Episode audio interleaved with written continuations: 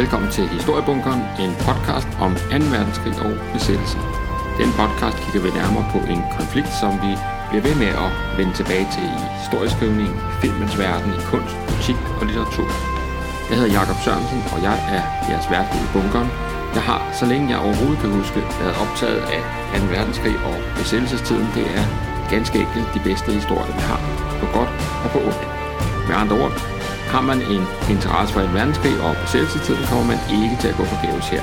Hvis du har lyst, så er du meget velkommen til at give øh, programmet et øh, like, der hvor du lytter til din podcast, og du er også meget velkommen til at melde dig ind i Historiebunkerens side på Facebook. Øh, bare søg på Historiebunkeren, så skal du nok finde frem til den rigtige side. Det er ganske gratis at lytte med. Historiebunkeren drives af interesse for historie. Men hvis du har lyst til at give donation til driften af Historiebunkeren, så modtages bidrag store som små. Meget gerne på MobilePay på det nummer, der hedder 74 59 TA. 74 59 TA. Husk at tjekke, at der står Historiebunkeren i modtagerfeltet, inden du sender et eventuelt bidrag afsted. Det var formaliteterne. Lad os så komme i gang.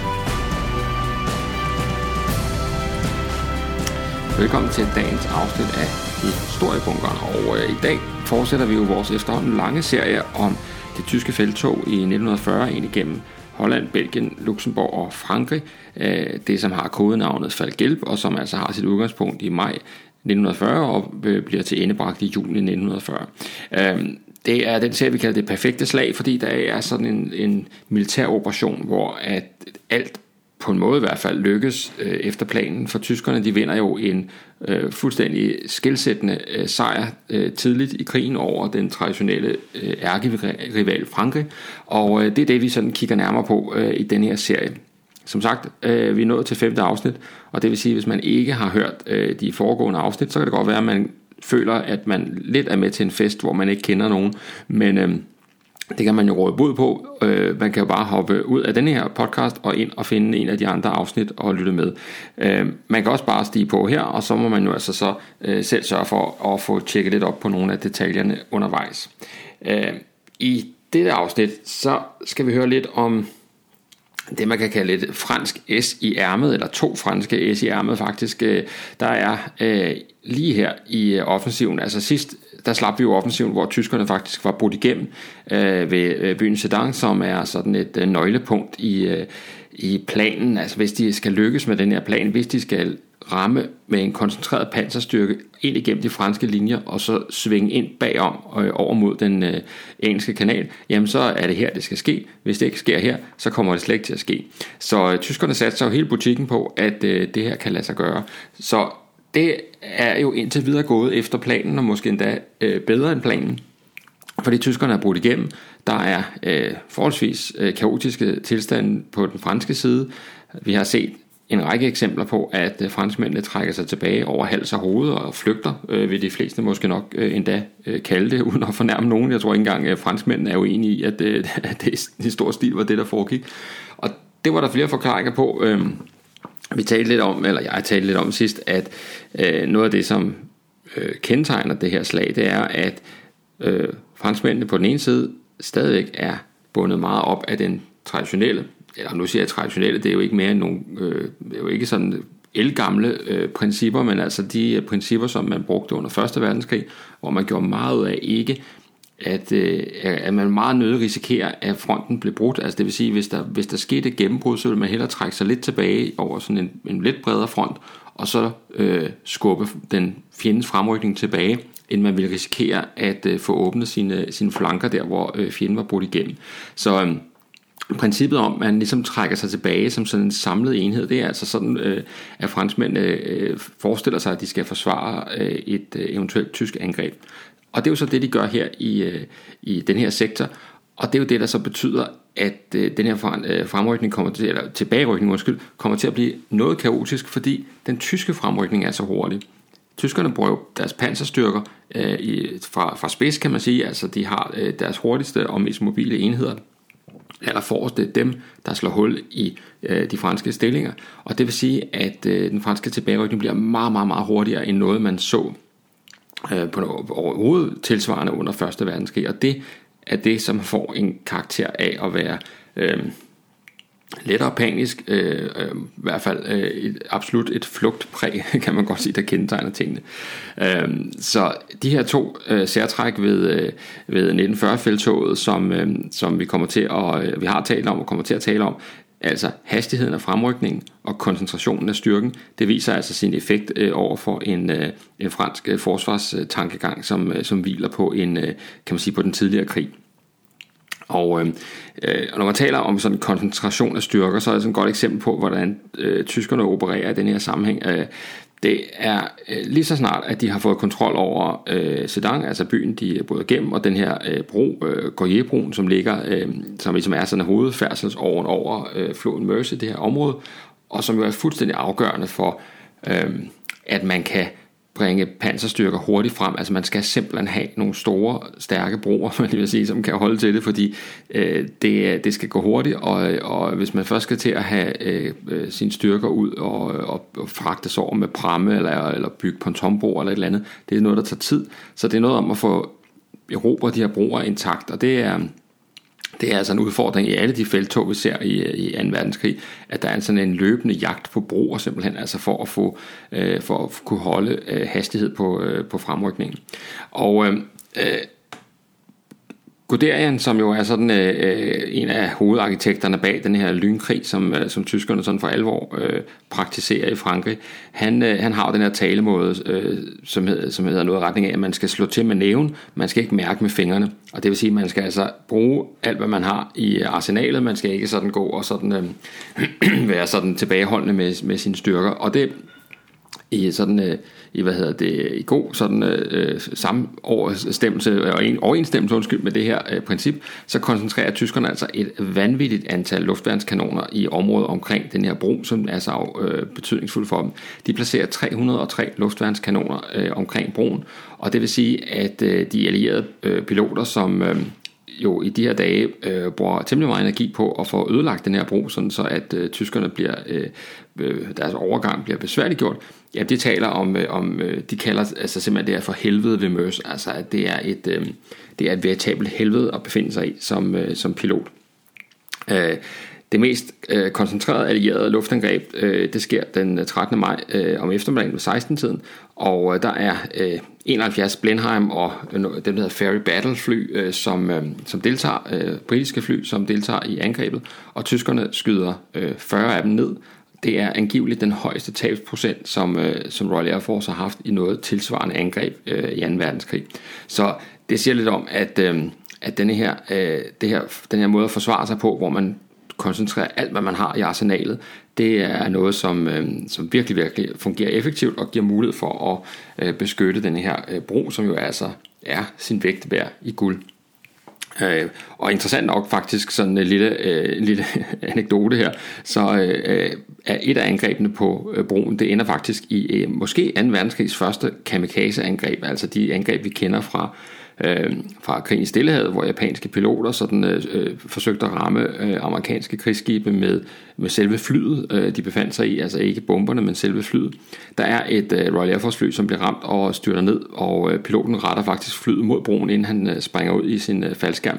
Og, øh, og flyet misser med ganske, ganske tæt på, på broen, men kunne faktisk nærmest være øh, et, øh, et, historiens første øh, vellykkede kamikaze-angreb. Nå, men øh, de franske og øh, britiske flyvevåben har alvorlige tab i de her dage, må man nok sige. Øh, den 14. maj, altså øh, her omkring gennembrud ved, ved øh, Sedan og en tysk overgang ved Mers, der er der øh, 109 øh, allierede bombefly, der bliver øh, skudt ned. Eller undskyld, altså ud af 109 øh, bombefly, der bliver 43 skudt ned, og øh, franskmændene har 43 bombefly, der er 5, der bliver skudt ned ud af 250 jægertogter, som bliver gennemført i den her sektor. Der bliver 50 af flyene skudt ned og 65 delvist ødelagt. Og det er altså kun øh, fly, som er sat ind mod øh, Sedan-fronten, øh, kan man sige, øh, og målet med den her bro. Så det er altså øh, tabsprocenter, som giver øh, de allierede virkelig mange grå hår i hovedet, fordi øh, deres flystyrker kan jo på ingen måde leve med tab i den her størrelsesorden. Altså de kan jo simpelthen ikke nå at at genforsyne øh, hvad skal man sige, øh, deres flyvevåben med piloter og fly, hvis, øh, hvis man skal acceptere øh, tabsprocenter på den her måde.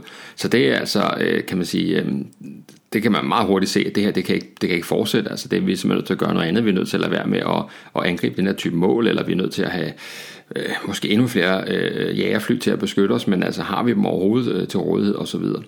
Øh, Tyskerne øh, på den anden side havde også øh, en del grå hår i hovedet her, fordi at øh, de kan godt se, at øh, hvad hedder det, hvis den her bro bliver ødelagt, jamen så, øh, altså så, så, øh, så hænger offensiven i en tynd tråd. Så øh, det er ikke fordi man sådan på den måde tænker, nu har vi vores øh, 303 luftværnskanoner, nu, nu, er, er den, øh, nu er alt godt. Øh, det er øh, nervepirrende, det der foregår. Øh, Guderian, øh, han er jo sådan en, øh, han er jo sådan en øh, type, der leder fra front, kan man sige. Han, øh, han, vil, han vil gerne holde sådan moralen høj hos, øh, hos sit mandskab, og derfor så, øh, så øh, gjorde han sådan dyd ud af i de her dage, at øh, krydse den her bro øh, så tit som muligt, for ligesom at vise, at det turde han godt, og der, der er ingen fare, vi skal bare klø på. Og øh, på et tidspunkt holder han ovenikøbet et, øh, et, et møde midt på broen sammen med von Rundstedt, altså feltmarskallen, som er hans, øh, en af cheferne der, ikke? og øh, og mens de står og snakker, så øh, kommer der så et øh, allieret flyangreb faktisk, og de er nødt til at skynde sig væk fra broen og, øh, og søge tilflugt. Og øh, von Rundstedt, som jo er sådan, også på det her tidspunkt, er sådan lidt ældre herre, han, han er sådan lidt forbløffet og siger sådan, altså er det altid sådan her, spørger han også øh, Guderian i hans erindringer i hvert fald skriver, at øh, ja, det er det faktisk. Det er, det er faktisk øh, livsfarligt at øh, befinde sig i det her område, for der er meget, meget høj øh, allieret luftaktivitet. Men øh, prisen, det er jo altså også mange nedskudte fly. Øhm, man kan sige, at øh, tyskerne har mange øh, sejre og succeser øh, her i starten af offensiven. Den 14. maj, der, øh, der må man sige, at øh, Luftwaffe vinder slaget sådan isoleret set i området her. Øh, de allierede bombefly bliver knækket, altså deres tabsprocent er simpelthen for højt til, at de kan gennemføre øh, øh, sådan øh, meningsfulde operationer. Og øh, Guderian han øh, får også presset sådan hovedparten af sin styrke over floden øh, og Det vil sige, at nu er øh, banen kridtet op til, øh, til den her egentlige fremrykning. Altså man kan sige, det, det som øh, Guderian og hans øh, ligesindede drømmer om, det er jo det her med at komme ind, hvor man kan virkelig altså sætte speederen i bund på, øh, på det tyske panser og komme afsted.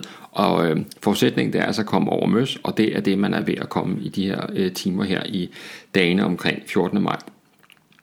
Det er også her, vi øh, øh, har den første sådan egentlige træfning mellem tyske og franske panserstyrker.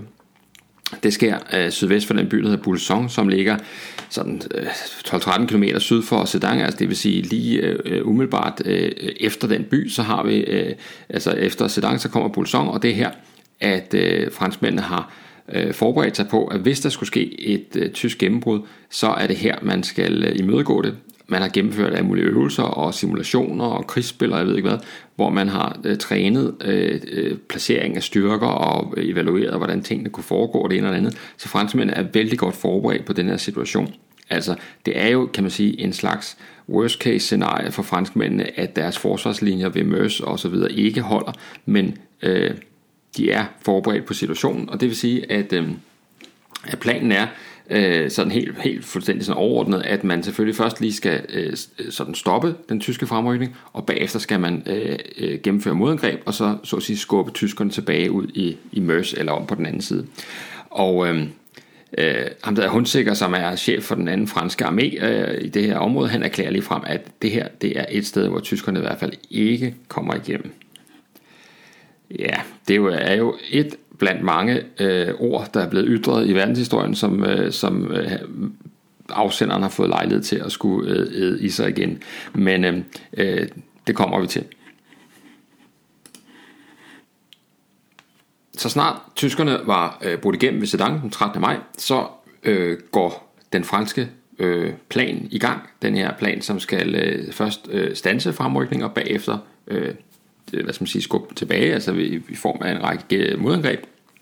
Og øh, det går faktisk rigtig dårligt øh, allerede fra starten af, fordi at den her fremrykning, altså den her øh, ligesom, øh, øh fremrykning frem til øh, Bulsong, hvor man så øh, skal øh, forsvare, altså inddæmme den tyske fremrykning, og så bagefter øh, gennemføre øh, modangreb, den bliver 17 timer forsinket. Og øh, vi kan jo allerede se, at, øh, at tid er helt utrolig øh, vigtigt i denne her øh, offensiv, som tyskerne har iværksat, altså Falgelb. Øh, og vi kan se, at øh, 17, på 17 timer kan meget ske. Og, øh, og det vil sige, at øh, franskmænd er ramt af en række uheld her. Altså først så er der en... Øh, så en motorcykelordonans, øh, der bliver forsinket med selve ordren, som man sådan skal overrække fysisk, så, øh, så har øh, 7. kampvognsbataljon, som skal, øh, skal, skal ud og rulle på landvejene, det er de ikke lyst til at gøre i dagslys, fordi de er, de er bange for, øh, og med rette, bange for angreb fra luftwaffe, og øh, da øh, mørket så falder på, og de sådan i nogenlunde sikkerhed kan begynde at køre rundt på, øh, på de franske veje, jamen så er vejene proppet med øh, både civile og militære øh, flygtninge og køretøjer, som er på vej den anden vej. Og det vil sige, at øh, øh det at forskyde tropperne øh, og forskyde sit panser på det her tidspunkt, det tager meget længere tid end, øh, end planlagt. Og, øh, og det vil sige, at den her langsomlighed øh, betyder kommer vi tilbage til det om lidt, men det betyder jo faktisk, at, øh, at kapløbet om at nå frem til Bulsong, hvor der er sådan et højdedrag, sådan et, øh, som man kan øh, udnytte enten altså til at forsvare sig fra, øh, uanset hvad side man ligesom øh, kommer fra, jamen øh, det er, kan man sige, det her, tyskerne har alle fordele, fordi at de har nu mulighed for at nå dertil først.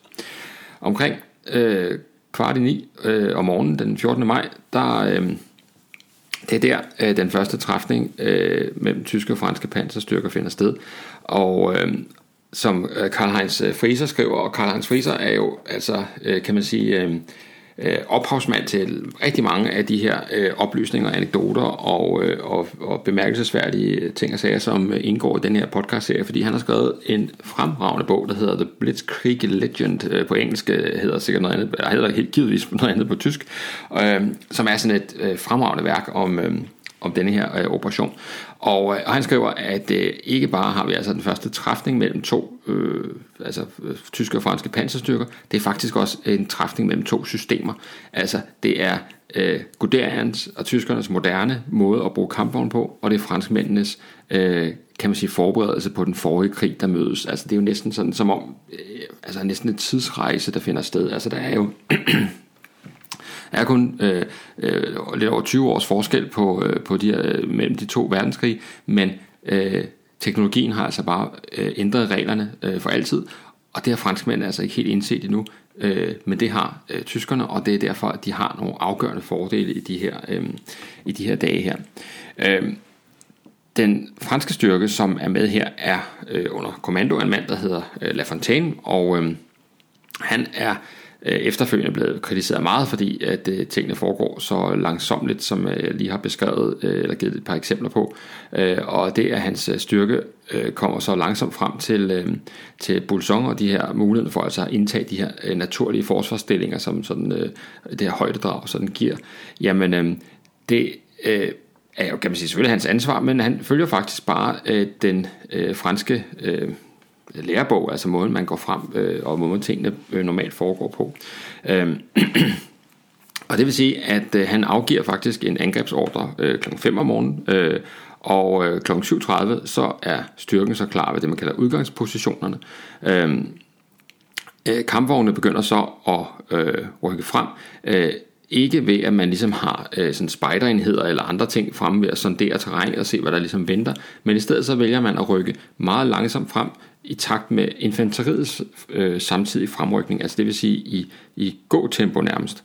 Og, øh, og det gør man i sådan to øh, øh, kolonner, kan man sige, og de her øh, to kolonner, der rykker frem med både kampvogne og infanteri væk, hver sin kolonne, øh, kolonne øh, de møder sådan jævnligt øh, tyskernes øh, rekognosceringspatruljer, fordi øh, i modsætning til franskmændene, så har tyskerne altså en masse af de her små, hurtige Øh, Øh, motorcykler eller andet fremme for at, øh, at finde ud af, hvor, øh, hvor franskmændene er, hvad de foretager sig. Og, og det vil sige hver gang, at de her to marskolonner, som franskmændene har på vej mod øh, de sådan støder ind i nogle tysker, så, øh, jamen så, hvad hedder det, så stopper de op, øh, så, så visse enkelte steder kommer det til sådan en små kamp, og så øh, holder den ene kolonne tilbage og venter på, at den anden er blevet klar og færdig og fået sådan øh, ryddet vejen, og så kører de sådan videre. Og det vil sige, at den øh, fremrykning mod de her naturlige forsvarsværker ved Bulsong, som jo altså er et kapløb med tyskerne om at få det bedste udgangspunkt, øh, det bliver, der bliver hastigheden altså defineret af den langsomste af de her to kolonner, kan man sige. Altså det vil sige, at de venter hele tiden på det langsomste led. På 75 minutter, der rykker franskmændene 2 km frem. altså 2 km på 75 minutter. Uh, man kan roligt sige, at der ikke uh, bliver uddelt uh, fartbøder den her morgen, uh, på fransk side i hvert fald. Uh, og uh, det betyder, at uh, bare 1 km før, at uh, styrkerne når frem ved Bolson, uh, så uh, er tyskerne nået frem samme sted. Altså 1 km adskilt det her.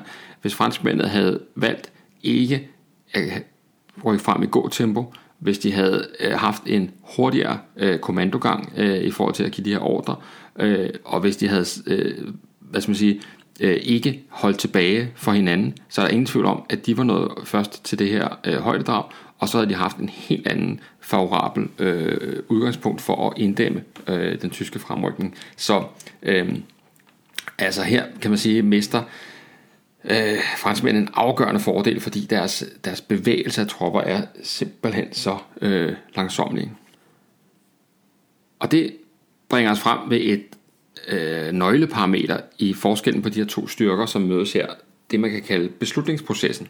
Altså den tid, det tager fra, at en situation opstår, til at der kommer nye ordre om at øh, imødegå situationen, og til at de ordre så faktisk bliver implementeret på slagmarken. Altså, situationen opstår, nogen skal beslutte sig for, hvad der skal gøres, og det skal så ud og gøres ude i, øh, ude i virkeligheden. Så øh, på den samme tid, som øh, det havde taget tyskerne, eller undskyld, øh, øh, franskmændene at nå Bulson øh, på de her to kilometer, altså den, den tid, den her fremrykning havde taget, nogenlunde på samme tid havde tyskerne rykket øh, 9 kilometer øh, frem øh, fra Sedan, også øh, med kurs mod øh, Bulson, altså det vil sige betydeligt hurtigere, kan man troligt sige. Og øh, det er en øh, divisionschef, der hedder Kirchner, som er øh, med i det, et af de aller, aller forreste køretøjer. Det vil sige, at han øh, som leder er helt fremme og se, altså kan se, hvad der sker som en af de allerførste. Øh, og det giver selvfølgelig øh, nogle fordele, at man ikke skal melde tilbage til en, øh, en leder, som befinder sig længere tilbage i, øh, i kolonnen, eller måske øh, helt tilbage i et eller andet hovedkvarter øh, et stykke vej fra, øh, fra fronten. Han er helt øh, fremme, og han har i sit øh, køretøj, som det var standard i øh, næsten alle tyske køretøjer, en radio. Og med den radio kan han jo kommunikere med omverdenen, og derfor kan han... Øh, har han øh, god viden fra de her øh, tyske rekognosceringspatruljer, som har været endnu længere fremme, dem som jeg før omtalt øh, var med til at stoppe den her, øh, den her øh, eller forsinke den, de her to øh, øh, fremrykkende kolonner, som franskmændene har. Jamen alt det her information, det får Kirchner faktisk med det samme. Og det vil sige, at han har et øh, utroligt godt overblik. Og på grund af det her øh, førerprincip, som man har i, øh, i Tyskland, den tyske her, hvor man ligesom siger, jamen den der er tættest på træffer beslutningerne, så kan han... Øh, så kan han, øh, så kan han hele tiden øh, øh, give nye ordre, og, og skal ikke ligesom øh, vende dem med nogen længere op i systemet. Øh, La Fontaine, han havde brugt øh, 15 timer fra han fik ordren til at han styrker i praksis øh, rykket ud. Øh, Kirchner havde brugt 10 minutter. altså, det er jo helt vildt. Ikke? Altså 10 minutter til at og, hvad hedder det, øh, overveje situationen, at tage beslutning om at rykke frem mod, øh, mod Bolson for at øh, og, øh, og, og, og afskære franskmændenes øh, fremrykning. Altså 10 minutter over for 15 timer. Og, øh, og så er der jo så den her anden forskel, som, øh, som vi bliver ved med at vende tilbage til det her med, hvordan man opfatter kampvognens rolle i sådan en sammenhæng. Og øh, Guderian var jo advokat for, at øh, øh, de tyske panserstyrker var en selvstændig styrke, som øh, hvis behovet opstod, kunne agere øh, helt alene og uafhængigt på slagmarken. Hos franskmændene, der er kampvognen en støtte for infanteriet, sådan som det også var i Første Verdenskrig. Og øh, øh, Guderian, han mente, at øh, det var panserstyrkerne, som var i centrum. De andre styrker, altså infanteri og fly og artilleri osv., jamen de måtte øh, justere øh, tempo og indsats efter øh, lavfødderne. Men øh, øh, og franskmænd, der er det altså lige omvendt, at det er, øh, hvad skal man sige, det er kampvogne, der skal køre langsomt, sådan, så infanteriet kan nå at følge med. Derfor kan man godt sige, at, øh, at Kirchner, som, som altså træffer de her hurtige beslutninger på få minutter, han øh, ignorerer kan man sige, nogle grundlæggende forsigtighedsprincipper. Han vil er, er ikke at have kampvogne fremme for at sondere terrænet, men altså alene støtte sig til de informationer, han får fra andre. Øh, og han også bruger kampvogne uden infanteristøtte, hvad man normalt helst heller ikke vil, og hvad tyskerne jo sådan normalt i andre sammenhæng senere krigen helst heller ikke vil, fordi kampvogne kan være øh, meget udsatte, hvis de ikke har øh, infanteri til at, sådan at, at, at beskytte sig. Men øh, men fordelen er jo så selvfølgelig, at, øh, at, øh, aktionen er hurtig, og at øh, man når hvad skal man sige, målet hurtigere, end, end fjenden gør. Og Kirsten han gør faktisk også det, at han sender kun dele af sin styrke frem, så for at de kan være der så hurtigt som muligt ved det her højdedrag. Og øh, i stedet for at, at vente på, at hele hans panserstyrke kan komme afsted samlet, så sender han øh, en lille, øh, altså et enkelt, enkelt, enkelt kompani afsted af, af gangen, sådan så at de hurtigt kan, øh, kan indtage de her stillinger. Og det bryder, kan man sige, lidt med Guderians øh, sådan, øh, tanker om det her med, at man skal slå med næven og ikke røre øh, med fingrene. Men til gengæld så øhm, øh, kan Guderian, som, når han bliver sådan, øh, gjort opmærksom på, øh, på hvad, hvad der foregår, så er han øh, helt øh, på øh, Kirsners øh, side i forhold til, at det her er jo med hensyntagen til tidsfaktoren. Det er det, der er det afgørende. Så må de andre principper øh, vige. Så derfor så rykker tyskerne altså på de, efter den her, øh, de her 10 minutters øh, overvejelse, rykker de altså frem i en lang kolonne. Øh, øh, med speederen i bund, uden et helt klart billede af nødvendigvis, hvad der venter, men øh, ikke desto mindre, så øh, når de når frem til øh, denne her, sådan, øh, hvad hedder det, øh, øh de her stillinger, så er der så en, der hedder øh, Krajewski, som er, øh, som er øh, en af de tysker, der er i aller, aller forreste køretøjer, og han skriver om det her. Øh, vi kørte gennem Pulsong, som fjenden havde forladt, og langsomt i enkelt kolonne nærmede vi os bakke 322 syd for byen. Kraftig beskydning begyndte så snart vi nåede bakken, og vores to forreste kampvogne blev ramt af gange og brød brand. Uh, umiddelbart efter uh, må uh, Krajewski selv springe ud af sin egen kampvogn, fordi den er også blevet ramt. Og, uh, og det er den, fordi at nu har uh, det tyske panser nået uh, højdedraget, og lige på den anden side, en kilometer væk, der har man øh, franskmændene, som har fået to øh, kampvognskompanier frem, og øh, de her styrker stod jo altså sammen i det første sådan egentlige øh, pansertræfning på, øh, på Vestfronten i, øh, i 2. verdenskrig. Det er et spørgsmål om minutter øh, for øh, mellem hvem der nåede først frem til højdedraget og kunne udnytte de her fordele i terrænet. Øh, den største fordel øh, altså giver terrænet, det giver det tyskerne, altså de har ligesom højdedrag, kan skyde ned mod, øh, mod fjenden og kan gemme sig bag bakken. Øh, derudover har de jo altså den her øh, før omtalte radio øh, monteret på langt de fleste øh, af deres køretøjer, det vil sige, at de kan øh, koordinere indsatsen både øh, melde bagud, hvor at eventuelle forstærkninger skal køre hen, men de kan også øh, dirigere ilden, altså sige, hvad er det for nogle kampvogne, vi, øh, vi koncentrerer øh, beskydningen på. Og øh, det bliver ret væsentligt, fordi det viser sig meget hurtigt som en utrolig ubehagelig øh, oplevelse for, øh, eller overraskelse for, øh, for tyskerne, at øh, deres kanoner, de kanoner, de har på deres kampvogn, de kan faktisk ikke trænge igennem det panser, som, øh, som franskmændene har med sig. Øh, i den her træfning, der er det sådan nogle lette, øh, forholdsvis lette øh, franske kampvogne med 40 mm panser, der FCM hedder de, som, øh, øh, og 40 mm, det er jo sådan noget, som man senere i krigen næsten opfatter som en hån. Men i 1940, der var det altså rigeligt til at stoppe øh, de tyske granater, øh, medmindre at de var helt tæt på hinanden. Og det vil sige, at, øh, at fransk, de franske kampvogne er på mange måder usårlige på det her tidspunkt.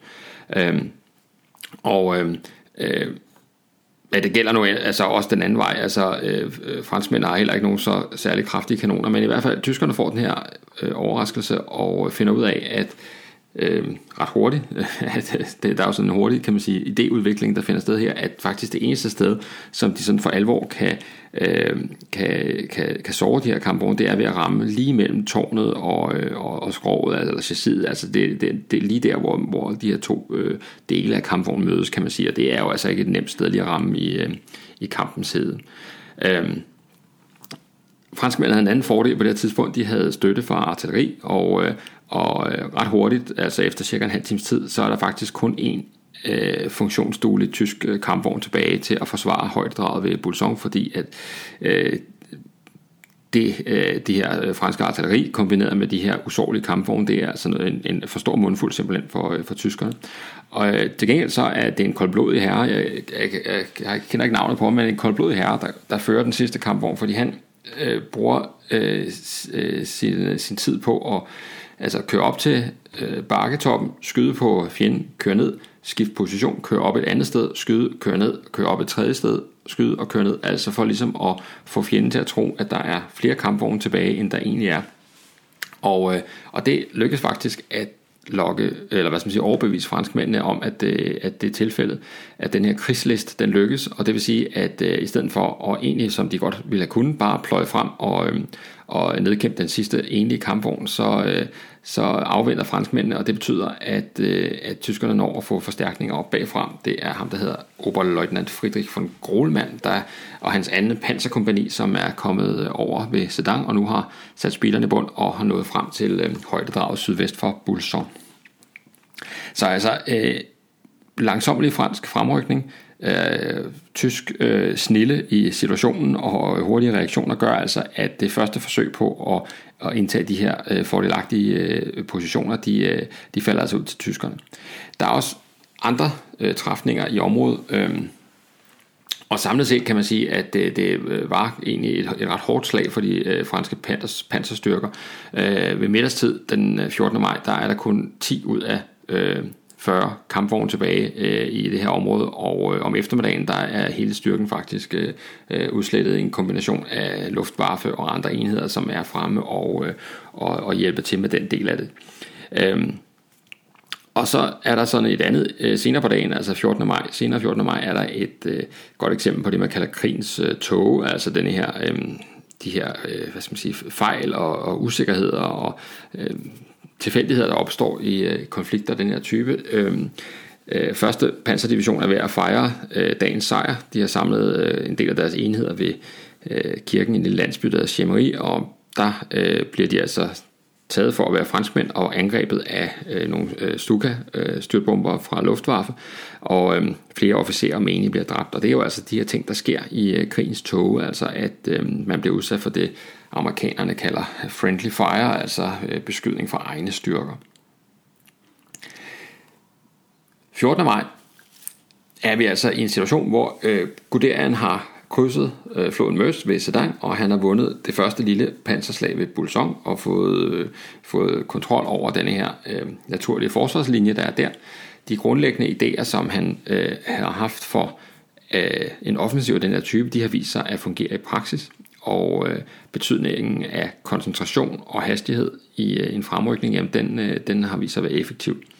Øhm, så øh, nu er det jo sådan set bare at, øh, at klø på og komme videre ud i, øh, øh, ind igennem det franske landskab. Og her begynder øh, vandene til gengæld lidt at deles i forhold til, om det nu også er en god idé.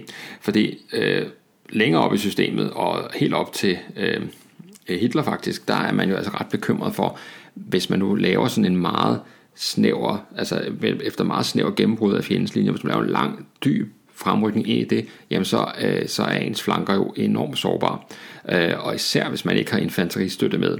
Så øh, det er altså en bekymring, som mange oppe i systemet på tysk side, de, de har. Men, øh, men øh, øh, Guderian, han er jo en øh, dristig herre, så øh, hvad hedder det, han øh, har faktisk fået, øh, fået øh, endnu flere sådan grunde til at øh, tro på, at hans koncept virker i løbet af øh, 14. maj klokken øh, lidt over 12, 20 over 12 faktisk, der får han, øh, der får han besked fra en enhed fra 1. Panserdivision, der har fundet endnu en øh, god, dejlig øh, uskadt bro, sådan så at nu kan tyskerne faktisk fordoble, kan man sige, deres øh, overfart ved, øh, ved Møs, sådan så nu kan han få endnu flere styrker frem.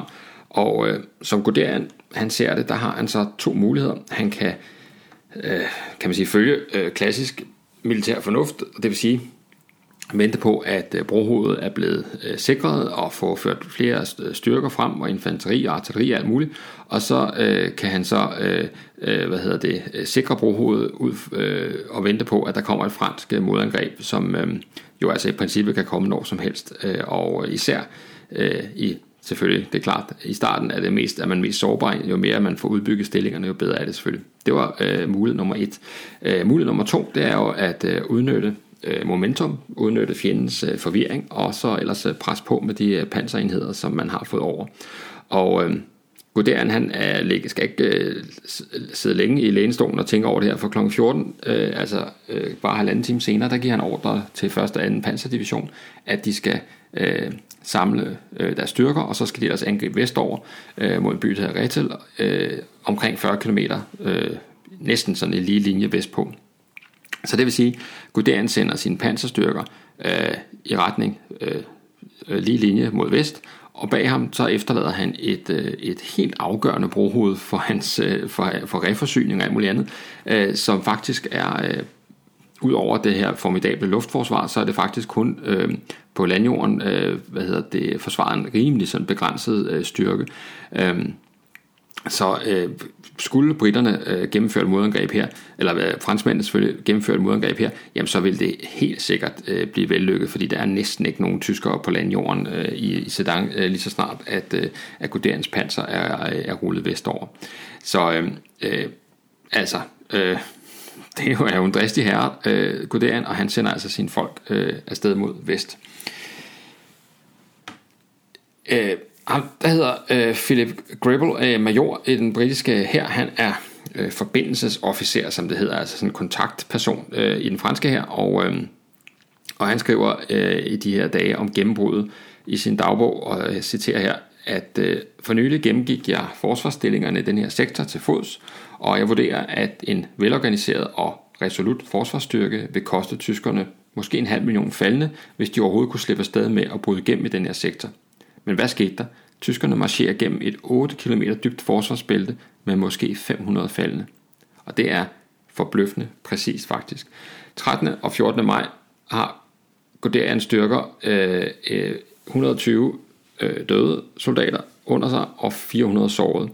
Øh, det kan slet, slet ikke sammenlignes med noget, vi kender fra 1. verdenskrig. Altså, øh, britterne øh, mistede 60.000 mand, tror jeg det er, på den første dag ved slaget ved Somme i 1916. Her kan man med med ja, altså omkring 500 døde og sårede, øh, øh, opnå et gennembrud af franske linjer, som har været velforberedte og veludbygget.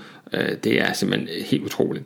Øh, man kan sige, at i maj 1940, der havde tyskerne allerede opnået på fire dage, hvad de ikke var lykkes med øh, på fire år under 1. verdenskrig. Øh, skillingen, det er 14. maj kl. 14. Her ændrer militærhistorien sig nemlig, fordi øh, Guderians beslutning om, at øh, at egentlig ignorere ordren om at blive og, øh, og forstærke Sedan, og i stedet for rykke mod vest, det, som det her skær på sejlet, altså det her sejl, der ligesom skal skære ind igennem det franske linjer, jamen øh, så kan man sige, at øh, hvis det lykkes, så er øh, slaget om Frankrig allerede afgjort, øh, og nu kan moderne krigsførelse så demonstrere, hvor overlegen det er i forhold til, øh, til ældre doktriner. Men øh, så nemt er det selvfølgelig heller ikke, fordi Øh, slaget var selvfølgelig ikke tabt endnu øh, overhovedet. Øh, franskmændene havde jo faktisk ikke helt øh, overblik over omfanget eller potentialet, kan man sige, af det tyske gennembrud, fordi de forestiller sig jo ikke, at øh, tyskerne kunne stride mod det, de opfatter som sund militær fornuft, nemlig at øh, sikre sine flanker osv., sådan, som man altid har gjort. Øh, det forestiller man sig jo ikke, at øh, tyskerne ville bryde med. Så derfor så... Øh, så omtaler øh, ham der general George, eller George, eller noget, som er chef for, øh, det beklager mine franske evner her, som er chef for det her frontafsnit, han skriver til, øh, til den franske overkommando, at øh, er og, og betegner øh, tyskernes gennembrud ved Sedan som et, et rimelig alvorligt nålestik, altså et nålestik, og, øh, og det har senere fået øh, en britisk historiker, ham der hedder Alastair Horn, til at, øh, at kalde den her betegnelse med det rimelig alvorlige nålestik for århundredets underdrivelse. Øhm, om eftermiddagen, øh, 14. maj, der, øh, der omtaler ham der Gamelin, Maurice Gustave Gamelin, som er fransk øh, general og, øh, og, og, og leder af, øh, hvad skal man sige, franske her i 1940. Øh, han omtaler stadigvæk Sedan som et lokalt anlæggende, altså så man på fransk side har man, og britisk også, har man slet ikke anerkendt, at det her det er faktisk, øh, det er faktisk en helt afgørende udvikling, der er sket, som, øh, som på sigt kan, øh, kan, kan fuldstændig øh, rokke balancen i øh, Europa mellem, øh, mellem stormagterne. Og det er ikke så svært faktisk at, at, at finde eksempler på sådan lidt fransk øh, nonchalant overmod i de her dage. Øh, ham der hedder general Hunsiker, som øh, øh, leder øh, på fransk side, som leder den anden armé, øh, han, han, og han har, taler sådan om udsigten til luftangreb fra luftwaffe, hvor han siger, at ja, hans tropper skal alligevel før eller siden have deres øh, ilddåb, altså så, så herregud, hvad betyder det med lidt, øh, lidt angreb fra, fra luftwaffe, ikke? Og på et tidspunkt så, øh, så øh, kommer der meldinger om, at 40 tyske infanterister har krydset øh, floden Møs øh, et sted, og der siger han, aha, jamen så tager vi præcis det antal fanger. Så det er jo fantastisk, ikke? Altså, øh, der er ikke nogen øh, slinger i valsen på, øh, på, fransk, øh, på fransk side. Øh, overmod, ja, måske, men måske øh, har franskmænd også lidt at have deres øh, optimisme i, fordi at øh, de er jo i gang med at forberede et øh, modangreb og de har omkring 300 kampvogne til rådighed. Det er en formidabel styrke. Øh, og øh, omkring halvdelen af dem, øh, 138 af dem, er de her tunge Hotchkiss eller Char modeller, og det vil sige, at det er noget, som er kampvogn, som er tyskerne langt overlegne på det her tidspunkt. Det har vi været omkring i et tidligere afsnit, øhm, i første afsnit, hvor, vi, hvor jeg sammenlignede sådan styrkerne forud for angrebet her, men altså, tager man udgangspunkt i den her Char øh, kampvogn, så er det sådan en, øh, øh, hvad hedder det, øh, kampvogn med en 75 mm kanon. Det er en ordentlig base øh, på det her tidspunkt, øh, som senere øh, bliver, hvad hedder det, øh, også findes i udgaver med en 47 mm kanon, som, øh, øh, som sidder på sådan et øh, tårn, der kan dreje, altså som vi kender fra klassiske kampvogn. Øh, det er et... Øh, et, øh, et sandt monster øh, på det her tidspunkt, sådan øh, størrelsesmæssigt. Den, er, den vejer 28 ton, den er øh, 6 meter 37 cm lang og øh, 2 meter og 46 bred, og højden er 2,79.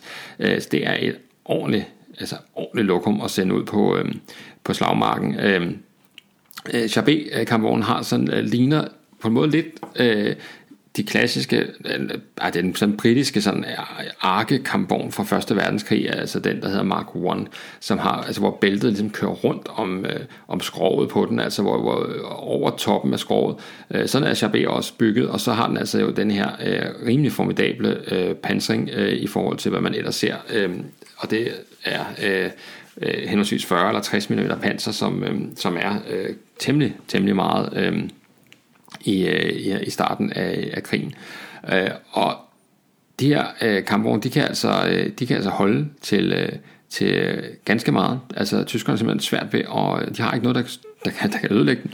Øh, tyskerne finder ud af øh, hen ad vejen, at, øh, at det de kan gøre, det er, at de kan øh, koncentrere øh, beskydning mod bælterne, øh, altså på siden af kampvognene, og på den måde uskadeliggøre dem.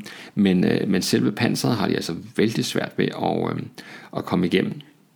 Så man kan sige, sikkerhedsmæssigt øh, fremragende kampvogn, som virkelig kan, øh, kan hvad hedder det, øh, kan, øh, øh, altså kan stå distancen mod, øh, mod fjendens øh, beskydning.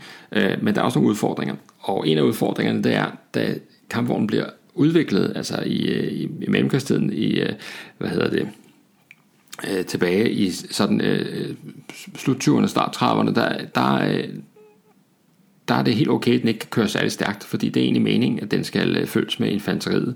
Den har en, øh, en maksimum øh, hastighed på, øh, på 28 km t, og det er jo ikke voldsomt. Øhm, og noget kortere selvfølgelig, hvis den ikke kører på vej. Altså der, der offroad bliver den sådan sat til at køre omkring 20 km i timen. Øhm, så det, det er jo en begrænsning. Altså den er ikke særlig hurtig, og den bliver hurtigt øh, overhalet af øh, kan man sige, øh, den teknologiske udvikling, så de fleste øh, kampvogn, der blev udviklet efter den her, er altså betydeligt hurtigere. Så har den et, øh, en udfordring i øh, forhold til brændstof. Der er kun 400 liter brændstof på, og det gør, at, øh, at den i sådan hvad skal man sige, i blandet kørsel, som det hedder, når man skal køre bil, øh, køre bil så, eller køre bil og kigger på brændstofforbruget, blandet kørsel, øh, omkring 200 km. Og det er jo ikke særlig langt. Øh, så, så det vil sige, at den er, den er faktisk sådan på den måde lidt sårbar. Altså den er langsom, og den kan ikke øh, bevæge sig særlig langt ad gang. Så altså, det giver selvfølgelig nogle udfordringer. Og så er der også noget udfordring på øh, kommunikationen, altså at øh, de fleste af modellerne ikke havde radio, og havde derfor svært ved at, øh, at kommunikere med, øh, med andre kampvogne og, og med hvad hedder det, beslutninger, der kom øh, udefra. Så øh, Chabé-kampvognen, øh, kan man sige, er på det her tidspunkt et, øh, en, øh, en, øh, en, en fremragende kampvogn for franskmændene, men det er også en kampvogn, som kan man sige på sigt bliver, øh, bliver, øh, bliver udfaset. Der er eksempler på, at, øh, at nogle af de her kampvogne folk bare ligesom at sætte sådan, øh, hvad hedder det, øh, altså, altså for at understrege, hvor, hvor, hvor, hvor stærke de egentlig er i forhold til de her tyske beskydninger, så, øh, så er der eksempler på en kampvogn, som er blevet, som vender tilbage til franske linjer uden, øh, altså med intakt, øh, efter at have blevet ramt 140 gange. Altså det er jo vanvittigt. 140 gange. Øh, Heinz Guderian, han skriver i en af sine, øh, eller ikke i en af, men i sin øh, øh, erindringsbog, den, øh, der hedder Panzerlieder på engelsk, øh, der skriver han, at øh, at efter øh, på et tidspunkt løbet den her offensiv, der har tyskerne fået fingre i en af de her øh, kampvogne, og, øh, og, øh, og så vil de gerne ligesom prøve at se, om de øh, kan ødelægge den. Så, de, øh, så de, han skriver så, at mens øh, øh at slaget egentlig er i gang, altså øh, hvad hedder det, angrebet mod Frankrig her, så øh, prøver de sådan bag linjerne øh, forgæves at ødelægge en Sharp kampvogn med, øh, med, øh, med deres eget artilleri. Det kan, de kan simpelthen ikke øh, skyde hul i den. Så, øh, så det er jo altså, øh, hvad skal man sige, øh, det er jo lidt nedslående øh, nyt for, øh, for tyskerne, at øh, de faktisk ikke har nogen sådan øh, våben, der for alvor kan øh, hamle op med den her franske øh, kampvogn. Så det er den tunge franske kampvogn. Så er den, der hedder Hotchkiss, som også er, øh, øh, som de også har en del af, og som er noget mindre, vejer kun øh, 11 ton, lige over 11 ton, øh, og er sådan en, øh, kan man sige, let kampvogn, som, øh, som øh, på samme måde, altså heller ikke kan køre særlig hurtigt osv., videre, øh, men, øh, men som, øh, som øh, man har lidt flere af, og som man kan sådan øh, måske lidt nemmere øh, forskyde rundt omkring i, i landskabet på grund af den her lette vægt, det giver jo nogle forskellige fordele. men altså også her begrænset rækkevidde. En hotkiss kan kun øh, have en operationsrækkevidde på under 130 km. en benzintank, der kun er på 180 liter, så det vil sige, at øh, at også her, der er man altså hæmmet af, at man ikke kan, øh, man ikke kan komme så hurtigt rundt, som man, øh, som man gerne vil. Øh, men altså, øh, maj 1940, der er de her kampvogne en formidabel styrke, når man skal gennemføre et øh, modangreb, øh, og især på et tidspunkt, hvor øh, tyskerne ikke er øh, sådan øh, polstret med infanteri osv. Så, så, øh, så her har vi altså øh, 14. og 15. maj øh, en situation i, øh, i angrebet, hvor øh, franskmændene faktisk har gyldne muligheder for at øh, få skåret øh, den tyske spydspids frem, altså Guderians panserstyrke, som han har sendt vestover, få skåret dem af øh, ved roden og få øh, proppet en ordentlig øh, prop i hullet ved Sedan, og på den måde få stabiliseret fronten, og dermed faktisk rive hele tæppet væk under det tyske koncept, der skulle vinde den her kamp mod, øh, mod stormagten Frankrig. Altså, hvis tyskerne ikke får et gennembrud og ikke kommer ind bag linjerne, så har de ikke mere tilbage. Øh, vi har jo set på et tidligere afsnit, at øh, hele den tyske hovedstyrke er jo altså øh, placeret her ved øh, øh den den, det her frontafsnit, altså ved Ardennerne og ind igennem Sedan. Kan de ikke komme igennem her, så kan det være lige meget. De kan ikke komme igennem nogle af de andre steder, fordi der har de slet ikke øh, den samme styrke der i den britiske sektor osv. Det er slet ikke på samme niveau, som det vi ser hernede. Det er den tyske hovedstyrke, og den er jo altså i fare for at, øh, at blive afskåret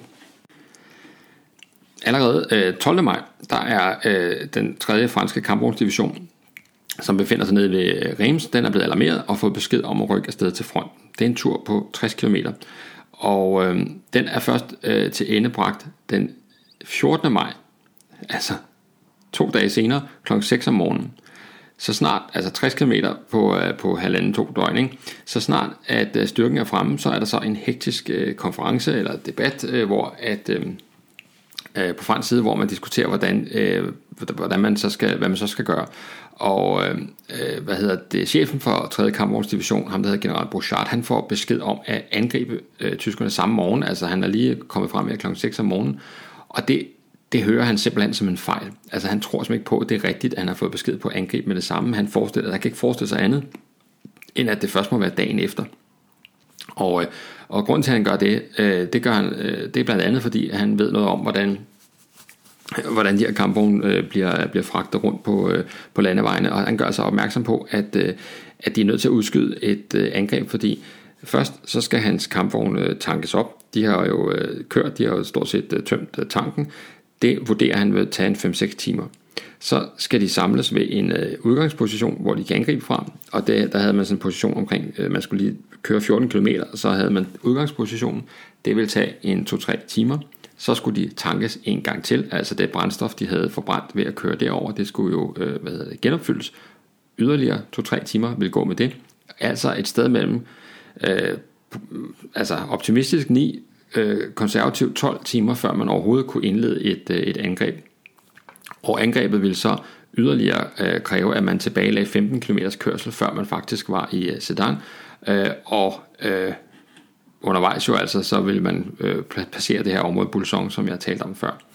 Øh, ham der hedder general øh, Flavigny, som er chef for 21. korps, og som er sådan gammel, øh, han er sådan første verdenskrigsveteran, det er de jo alle sammen, men han øh, var med i første verdenskrig og kæmpede der, og øh, øh, har alle mulige forskellige forfremmelser i, øh, i, i mellemkrigstiden, og bliver, øh, han er gammel som, øh, hvad hedder det, kavalerimand, ikke? Så, han, så han er sådan oplagt at bruge i, i panserstyrkerne, og derfor bliver han så også øh, hvad skal man sige, forfremmet til at have, øh, blandt andet øh, lede dem her i, øh, i hvad hedder det, forbindelse med, altså i foråret 1939, har han hovedansvaret for det her modangreb. Og, øh, og, og han mener altså, at øh, øh, Bouchards sådan tidsskema med alle de her øh, genopfyldninger af øh, tanker og alt muligt andet, det er alt for konservativt, så han kræver, at de angriber allerede kl. 12, altså det vil sige øh, 6 timer efter styrken er ankommet.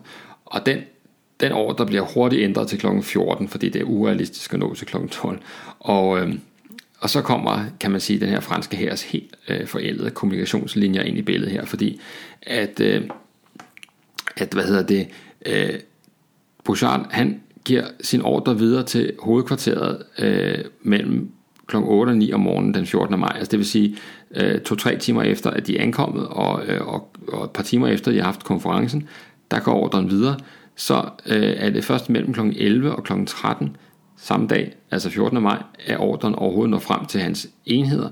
Og det er først omkring kl.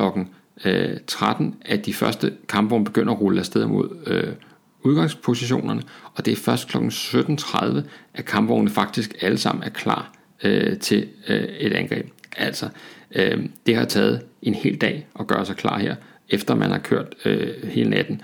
Det er virkelig en langsomlig proces, altså især fordi, at kommunikationen er så langsomlig, når man ikke har de her moderne radiokommunikationsmidler, som vi ser. Øh, de er ikke indført i særlig høj grad, som, øh, som man ser det på tysk side, og det vil sige, at alle ordre skal gives øh, mundtligt, eller ved hjælp af ordonanser, som skal fare rundt og finde de her forskellige kampvogne og give besked om det ene eller andet.